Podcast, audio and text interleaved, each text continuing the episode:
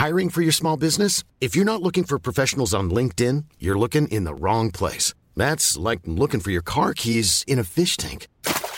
LinkedIn helps you hire professionals you can't find anywhere else, even those who aren't actively searching for a new job but might be open to the perfect role. In a given month, over 70% of LinkedIn users don't even visit other leading job sites. So start looking in the right place. With LinkedIn, you can hire professionals like a professional. Post your free job on linkedin.com slash people today. Halo pendengar GGMI Podcast, baik lagi bersama kita bertiga dan Bim Salabim ada kadabra muncul nama mantan yang kembali bersemi di cinta yang entah sudah masih ada atau udah nggak ada nih. Dia adalah Frankie De Jong yang entah tiba-tiba kabar dari mana dirumorkan akan mendapatkan green light dari pihak eh, Barcelona untuk dipersilahkan cabut dan lagi dan lagi MU akan selalu menjadi tempat yang dirumorkan. Nah, Tin, ini udah kali ketiga nih berarti kita ngebuat episode yang spesifik tentang Frankie De Jong dan gue nggak tahu udah akankah berjilid-jilid kita akan ngebuat ini gitu. Tapi apa yang lo lihat berbeda pada rumor kali ini, Vin? Ya buat gue gak ada yang beda. Iya menurut gue tetap aja susah gitu karena kan em, kalau kemarin katanya kita nggak punya eh, De Jong yang nggak mau kan. Kalau Hmm. sekarang ada kemungkinan De Jong yang mau tapi kita nggak punya duit gitu loh. ya, Karena ternyata banyak banget sektor di mana kita lebih eh, harus memprioritaskan gitu kayak back tengah, kemudian sektor penyerang juga. Kita bahkan beli Girasi 16 juta aja nggak mampu gitu kan. gitu. Sayap juga, kemudian gelandang juga ya. Hmm. Gelandang mungkin masuk ya Frankie De Jong gitu. Iya, Tapi gelandang yang tipe seperti apa gitu kan. Kita juga butuh loh DM buat regenerasinya Casemiro gitu. Jadi ini banyak banget prioritas dan juga gua nggak tahu budgetnya berapa. Kalau De Jong aja 100 juta, nah ini berat sih menurut gua. hmm, oke. Berarti lagi-lagi nih lebih kepada masalah budget yang akan menjadi batu sandungan. Kalau masalah interest level, yakin masih cukup tinggi. Kalau Inter sebenarnya gue nggak yakin sih De Jongnya Inter sama MU. Karena memang pilihan utamanya De Jong itu kan pengennya di Barcelona gitu. Ya. Semua orang tahu gitu. Cuma memang Barcelona yang gue baca lagi terkendala finansial. Ya. Mau nggak mau sebelum kalau nggak salah sebelum 30 Juni itu dia harus punya duit 100 juta lah gitu. Li- Likuidasi. Iya gitu. Dan ya yang paling mudah untuk dicairkan ya Frankie De Jong gitu. Itu sih. Jadi ini sebenarnya opsi yang ya terpaksa gitu kan De Jong cabut tapi banyak faktor di mana kita bisa yes or no gitu. Terutama masalah kalau nggak transfernya, transfer fee-nya adalah gajinya. Hmm, ini layaknya kayak kena Sandra, walaupun dia juga nggak mau untuk akhirnya diculik ya. Tapi harus di offload karena memang hal yang lebih struktural. Nah, Om, ini kan kalau gue ibaratkan kayak mantan yang hampir jadi tapi gagal karena sedua hal dan ternyata dia ya memberikan harapan walaupun entah dari mana asal muasalnya gitu kan. Nah, lu ngeliatnya gimana nih, Om? Kalau dari lu sendiri, lu cukup PDK kalau MU di musim depan karena faktor Ineos karena faktor ya mungkin ya kita bisa secure Liga Champion mungkin ya gitu kan atau hal-hal lain yang ngebuat akhirnya pemain 26 tahun ini meluluh dan akhirnya udah deh nggak apa nggak ada Barca pun Old Trafford-nya jadilah gitu gue sampai ini apa namanya udah nggak ngetrack ya ini episode kita keberapa soal Frankie De Jong? Tadi mungkin lo bilang tiga tapi kayak lebih deh. Kalau indirect banyak pasti padahal dia juga bukan punya kita kan gitu. Tapi Nah, memang pada akhirnya uang berbicara bro gitu. Yes. Lo mau bekerja di mana pun gitu ya dengan environment dan mungkin role yang lo idam-idamkan gitu ya. Tapi kalau gaji lo telat mulu atau dipotong mulu gimana nih? Ya kan? Kayak kayaknya loyalitas gitu ya di masa sekarang gitu ya untuk untuk sebuah uh, klub sepak bola gitu kayaknya itu menjadi hal yang cukup sulit ya gitu. Jadi uh, mungkin kalau memang rumor itu benar gitu ya bahwa memang Barcelona harus punya duit 100 juta katakanlah ya satu-satunya ya jual Frankie De Jong gitu. Karena gue lihat si pemain ini pemain ini tuh rilis clause-nya 400 juta euro men gitu. Dan itu rilis clause-nya doang ya. Jadi gajinya sekitar 700 ribu euro per minggu gitu Dua kalinya Ronaldo ya. dua kali Ronaldo dan kalau nggak salah di Premier League itu rekornya se eh, apa Erling Haaland ya atau KDB ya lupa gue mungkin Iya, sekitar 4 ribuan lah gitu Jadi uh, ini pemain kalau misalnya datang, ini pasti game changer banget gitu. United pasti akan berubah lah, 100% akan uh, towards a better version lah gitu. Tapi apakah mungkin gue nggak tahu gitu karena kayaknya Ineos juga fokusnya agak cukup banyak ya kayak uh, hmm. mau sporting director siapa gitu terus hmm. ada rumah kayak mau bikin stadion baru gitu kan hmm. terus di uh, Deadwood Deadwood ini lagu apa enggak kita juga nggak tahu gitu kan jadi selama kejelasan itu belum beres gitu gue sih akan melihat rumor ini dengan apa ya dengan sedikit harapan sih gitu hmm. tapi tidak bisa dipungkiri kalau misalkan dia cabut gitu kan dan ya. pindah ke Inggris ya. kalau gak ke United gue akan sangat patah hati sih gue suka nih dengan punchline terakhir akan patah hati kalau tidak pindah ke Man United gitu Oke, okay. nah, Vin, uh, ini kan kalau kontrak West dia kan sampai 2026. Dan ini gue baca nih di uh, beberapa sumber, dia tuh secara kisaran market terlepas dari risk clause ya, yang besar banget itu adalah 80 juta euro atau 1,3 triliun ya. Mungkin hampir mirip dengan transfernya Mason Mount ya di musim uh, awal gitu kan. Nah, lu lihat ya, apakah angka wise dia itu masih layak atau kita punya advantage karena on kredit finansial yang akhirnya kita bisa nego dengan harga yang agak sedikit lebih turun? Ya nego alus sedikit bisa ya hmm. gitu dari 100 mungkin di 95 90 gitu tapi ya ini bakal susah karena gue punya feeling yang incar nggak cuma MU gitu hmm. ada Chelsea yang bodoh gitu kan iya bodoh dia bakal mungkin mati-matian juga gitu loh ngejar si Frankie itu juga. udah pasti kena itu sebelum sebelum akhir musim yakin gue Chelsea itu tapi bangkrut si Chelsea juga tapi jadi gue nggak gua nggak melihat Chelsea sebagai sebagai ini ya apa namanya kompetitor serius ya untuk untuk iya. mendatangkan yeah. karena menurut gue itu itu itu tim itu klub itu umurnya kayak udah kelihatan sih justru justru yang gue takutkan antara Arsenal atau Liverpool sih sebenarnya hmm. Iya, gue ya lu takut Arsenal Liverpool, gue juga takut sama City gitu loh. Nah. Maksudnya City juga gue baca dia tuh ngincar Joshua Kimmich kan, gitu loh. Maksudnya dia udah udah punya Rodri, tapi masih ngincar Kimmich gitu. Karena hmm. Kimmich ini bisa lebih ke depan lagi gitu loh, jadi CM lah. Hmm. Nah, kalau Kimmich ternyata nggak dapet, ya dengan adanya Frankie De Jong ini sangat mungkin gitu loh. Apalagi sekarang City juga lagi ngumpulin apa ya kayak pemain-pemain yang um, punya dribble yang bagus, passing yang bagus, visi yang bagus dan ya Diong cocok dengan itu gitu loh. Gitu sih. Jadi menurut dan apa ya, secara taktik itu Diong tuh bisa di banyak taktik gitu loh. Kayak di CB bisa, di DM bisa, CM bisa nomor 8 gitu. Dan City juga kan suka otak-atik taktik juga kan hmm. gitu formasi juga jadi Diong ini bakal sangat fungsional kalau ada di City gitu jadi sangat mungkin apalagi City um, baru ditinggalkan Gundogan juga. Jadi kayak dia butuh tambahan gelandang yang sifatnya tuh lebih world class daripada si Mateus Nunes sekarang atau Kovacic. Sangat mungkin Kovacic bakal cabut hmm. yang datang De Jong gitu loh. Gitu. Jadi hmm. upgrade banget ini si City nanti. Itu tiga tim itu emang berbahaya sih. Oke, berarti makin banyak ya nama-nama yang akhirnya memperebutkan Frank De Jong dalam porsi ya entah kebutuhan tim, arogansi atau ya pengen mem memiliki semuanya kayak Chelsea gitu ternyata emang akhirnya yang sangat strategis kayak let's say Liverpool atau Arsenal yang sekarang juga lagi projectnya lagi positif gitu kan. Tapi gini Om, kalau misalkan memang akhirnya uh, Frankie datang, menurut lu ini apakah memang karena kengototannya Ten Hag untuk melobi sporting director atau mungkin CEO-nya barunya MU atau emang akhirnya ada hal-hal di luar itu yang akhirnya ngebuat MU akan mau rela mengeluarkan dana tanpa ada intervensi lebih dari Ten Hag? Menurut gue kalau memang ada chance-nya ya untuk mendapatkan Frank De Jong, gue rasa Ten Hag akan all out banget sih untuk mendapatkan dia gitu.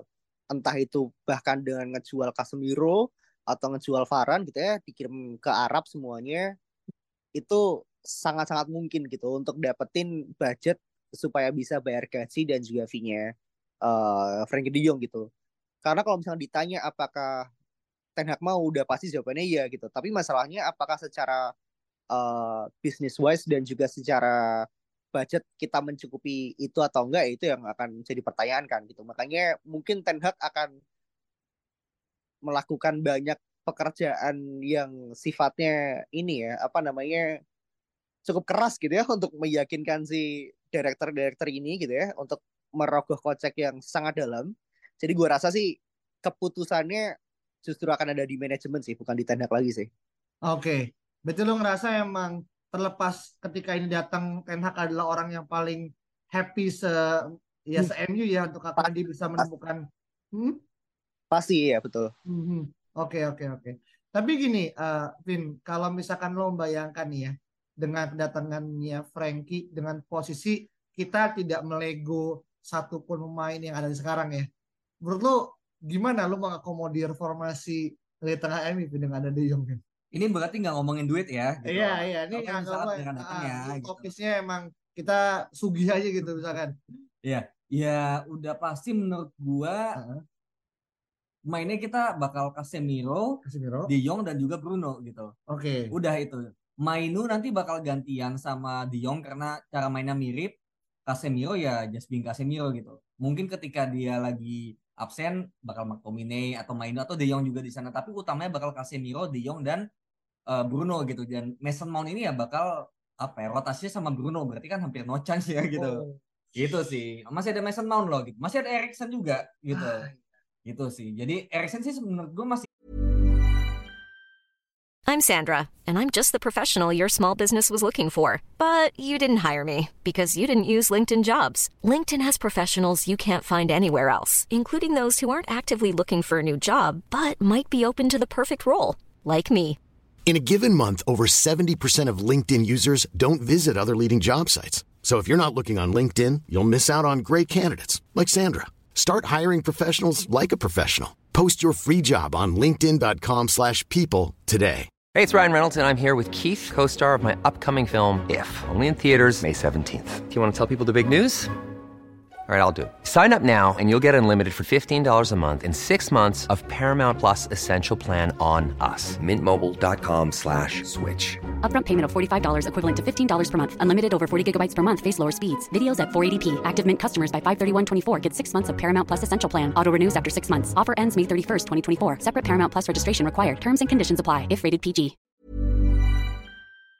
bisa lah buat buat tidak bermain ya karena kan ya usia dan juga kapabilitas juga udah berkurang tapi Mason Mount ini jadi wasted banget gitu loh gitu sih jadi menurut gua sekarang ini banyak banget yang harus dilego dulu menurut gua kayak Erikson lepas cocok tuh kalau De Jong tuh bisa menjadi replacementnya Erikson tuh cocok menurut Ya. gua gitu jadi nanti De Jong menjadi utamanya eh Mainu menjadi deputinya gitu. Wih. gitu.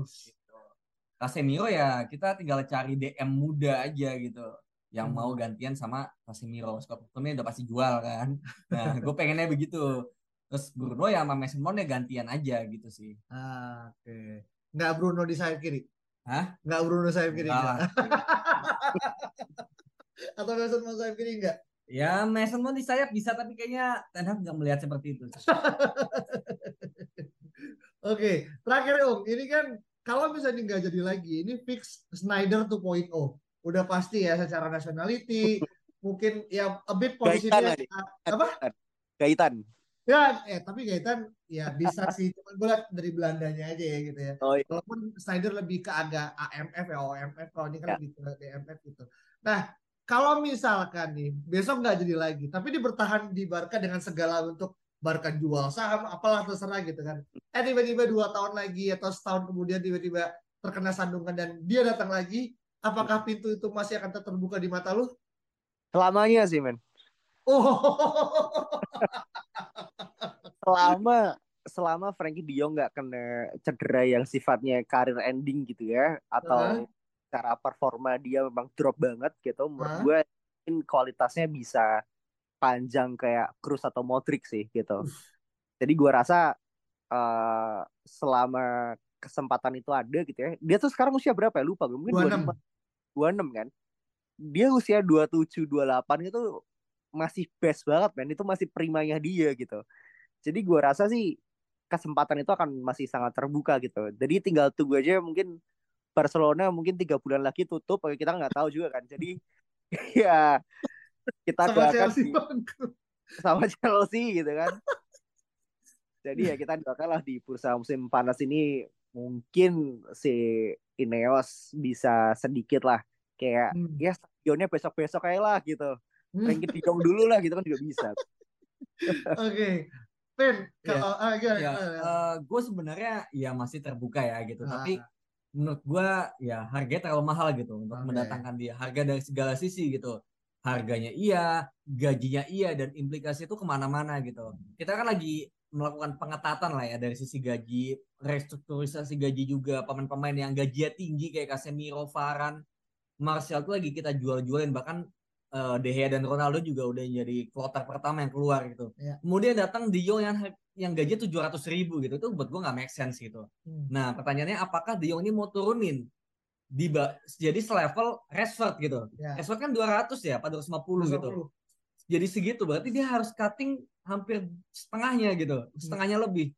Gue nggak yakin dia mau, apalagi pajak Inggris kan tinggi juga gitu. Itu kan kotor tuh. Brexit. Ah iya, jadi gue nggak tahu apakah dia mau melakukan itu atau enggak. Kalau dia mau, ya gue nggak yakin juga apakah dia mau ke MU gitu kan, gitu loh. Gue yakin dia cukup pintar gitu loh untuk bisa memilih eh, mau ke mana dia akan berlabuh gitu.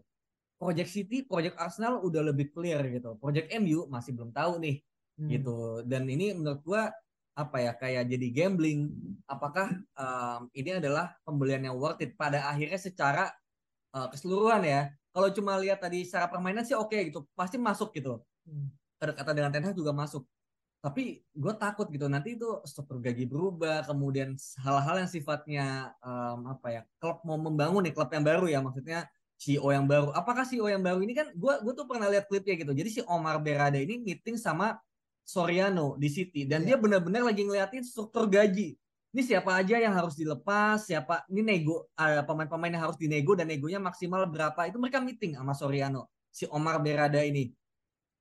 Dan apakah nanti isi meetingnya untuk selanjutnya di MU adalah ya Omar Berada akan tiba-tiba memuluskan Frankie De Jong 700 ribu gitu loh. Hmm. Gue nggak yakin Omar Berada akan segitu gampangnya Hmm. untuk eh, memberikan kemudahan itu bagi satu pemain doang gitu loh. Yang mana dia, gue baca ya ada akun Twitter di eh, akun Twitter Barcelona itu dia malah pengen Frank De Jong cabut gitu. Hmm. Karena, Karena- gaji.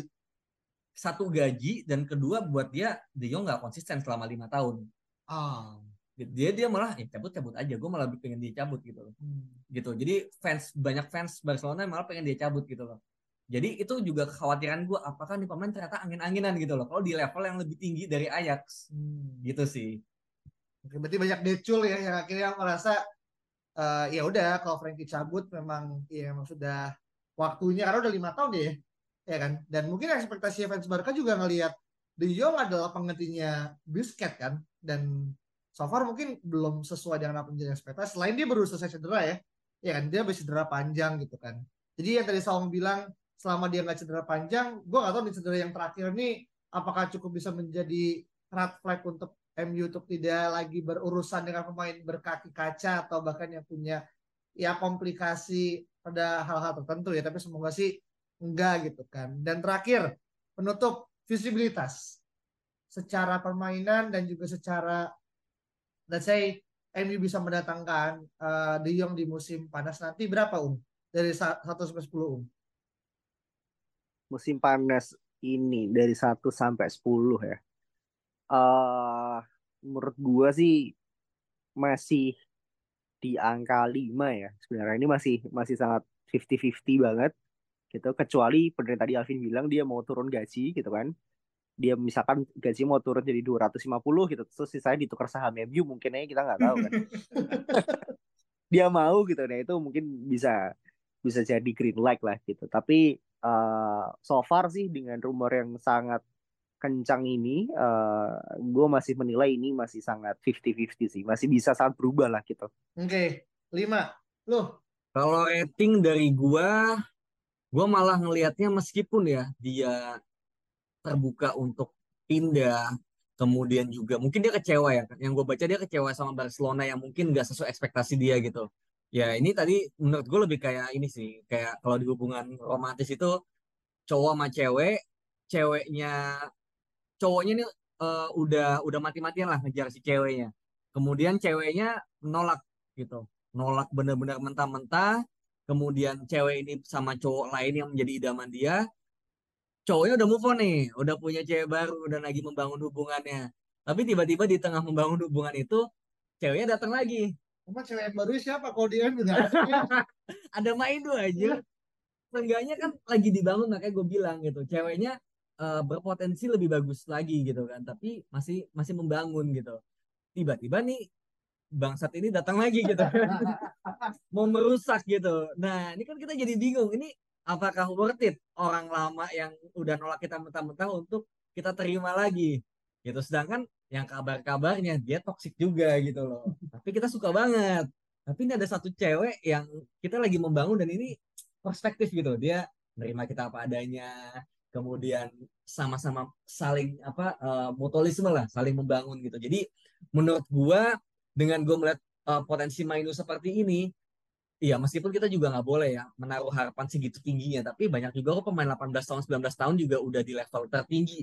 Jude Bellingham, Jamal Musiala, uh, Pedri juga gitu. Jadi menurut gua kalau memang dia good enough ya apa if he's good enough he's old enough ya kalau nggak salah ya. kalimatnya gitu kan. Jadi kayak umur bukan menjadi masalah asal lu juga nggak nggak diforsir abis-abisan gitu sih. Jadi menurut gua gue sejauh ini gue no sih gitu gue no sama Frankie De dengan segala apa ya um, meskipun gue suka banget juga tapi konsep ini terlalu berat untuk gue terima gitu kayak tadi gaji dan juga gue takutnya dengan kita keluar 100 juta buat De Jong kita nggak ada duit lagi buat beli CB beli sayap beli gelandang lainnya gitu atau penyerang ujungnya nanti ya jadi repot gitu loh satu tim cuma bergantung sama satu pemain Frankie De Jong gitu yang mana belum tentu juga dia langsung nyetel juga gitu. Kalau ternyata dia angin-anginan sama kayak di Barcelona, nah itu dia.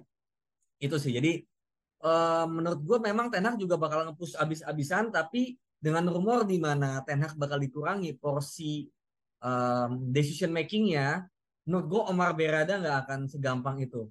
Dan juga Sporting Director menurut gue nggak akan segampang itu buat ngasih green light buat MU beli di Jong 100 juta dengan gaji 700 ribu itu kalau pinter menurut gua nggak akan diambil. Jadi menurut gua pintu udah tertutup sih. Ketika De Jong nolak MU, ya pintu udah tertutup bagi kedua belah pihak. Makin tertutup lagi ketika Kobi Mainu udah muncul. Dan lebih tertutup lagi ketika MU punya sporting director gitu sih. Jadi menurut gue sekarang chance-nya gue bilang nol sih. Gokil. Nah, iya, sama gue yang lebih optimis ya. Kalau tahun lalu mungkin jawaban gue beda ya. iya benar. Nah ini pendengar juga bisa ya uh, melihat dan juga meraba kira-kira dari jawaban Alfi dan Saung mana yang lebih pengen didengar gitu. prinsip bro, prinsip. memang, juga, memang ya, tolak dan tidak dipilih itu sakit sih men. Kenapa? Memang ditolak dan tidak dipilih itu sakit sih. Yoi. Dan itu yang sedang dimainkan sama Alvin dengan analogi panjangnya gitu kan. Kisah pribadi kayaknya. Aduh, oh, mantap. Oke, teman-teman, kira-kira seperti itu dan kalau punya pendapat berbeda, silakan aja langsung reply di @ggmi podcast dan kita ketemu pada rumor bursa transfer berikut ya. Bye bye. Planning for your next trip? Elevate your travel style with Quince. Quince has all the jet setting essentials you'll want for your next getaway, like European linen, premium luggage options, buttery soft Italian leather bags, and so much more. And is all priced at 50 to 80% less than similar brands. Plus, Quince only works with factories that use safe and ethical manufacturing practices. Pack your bags with high-quality essentials you'll be wearing for vacations to come with Quince. Go to quince.com/pack for free shipping and 365-day returns.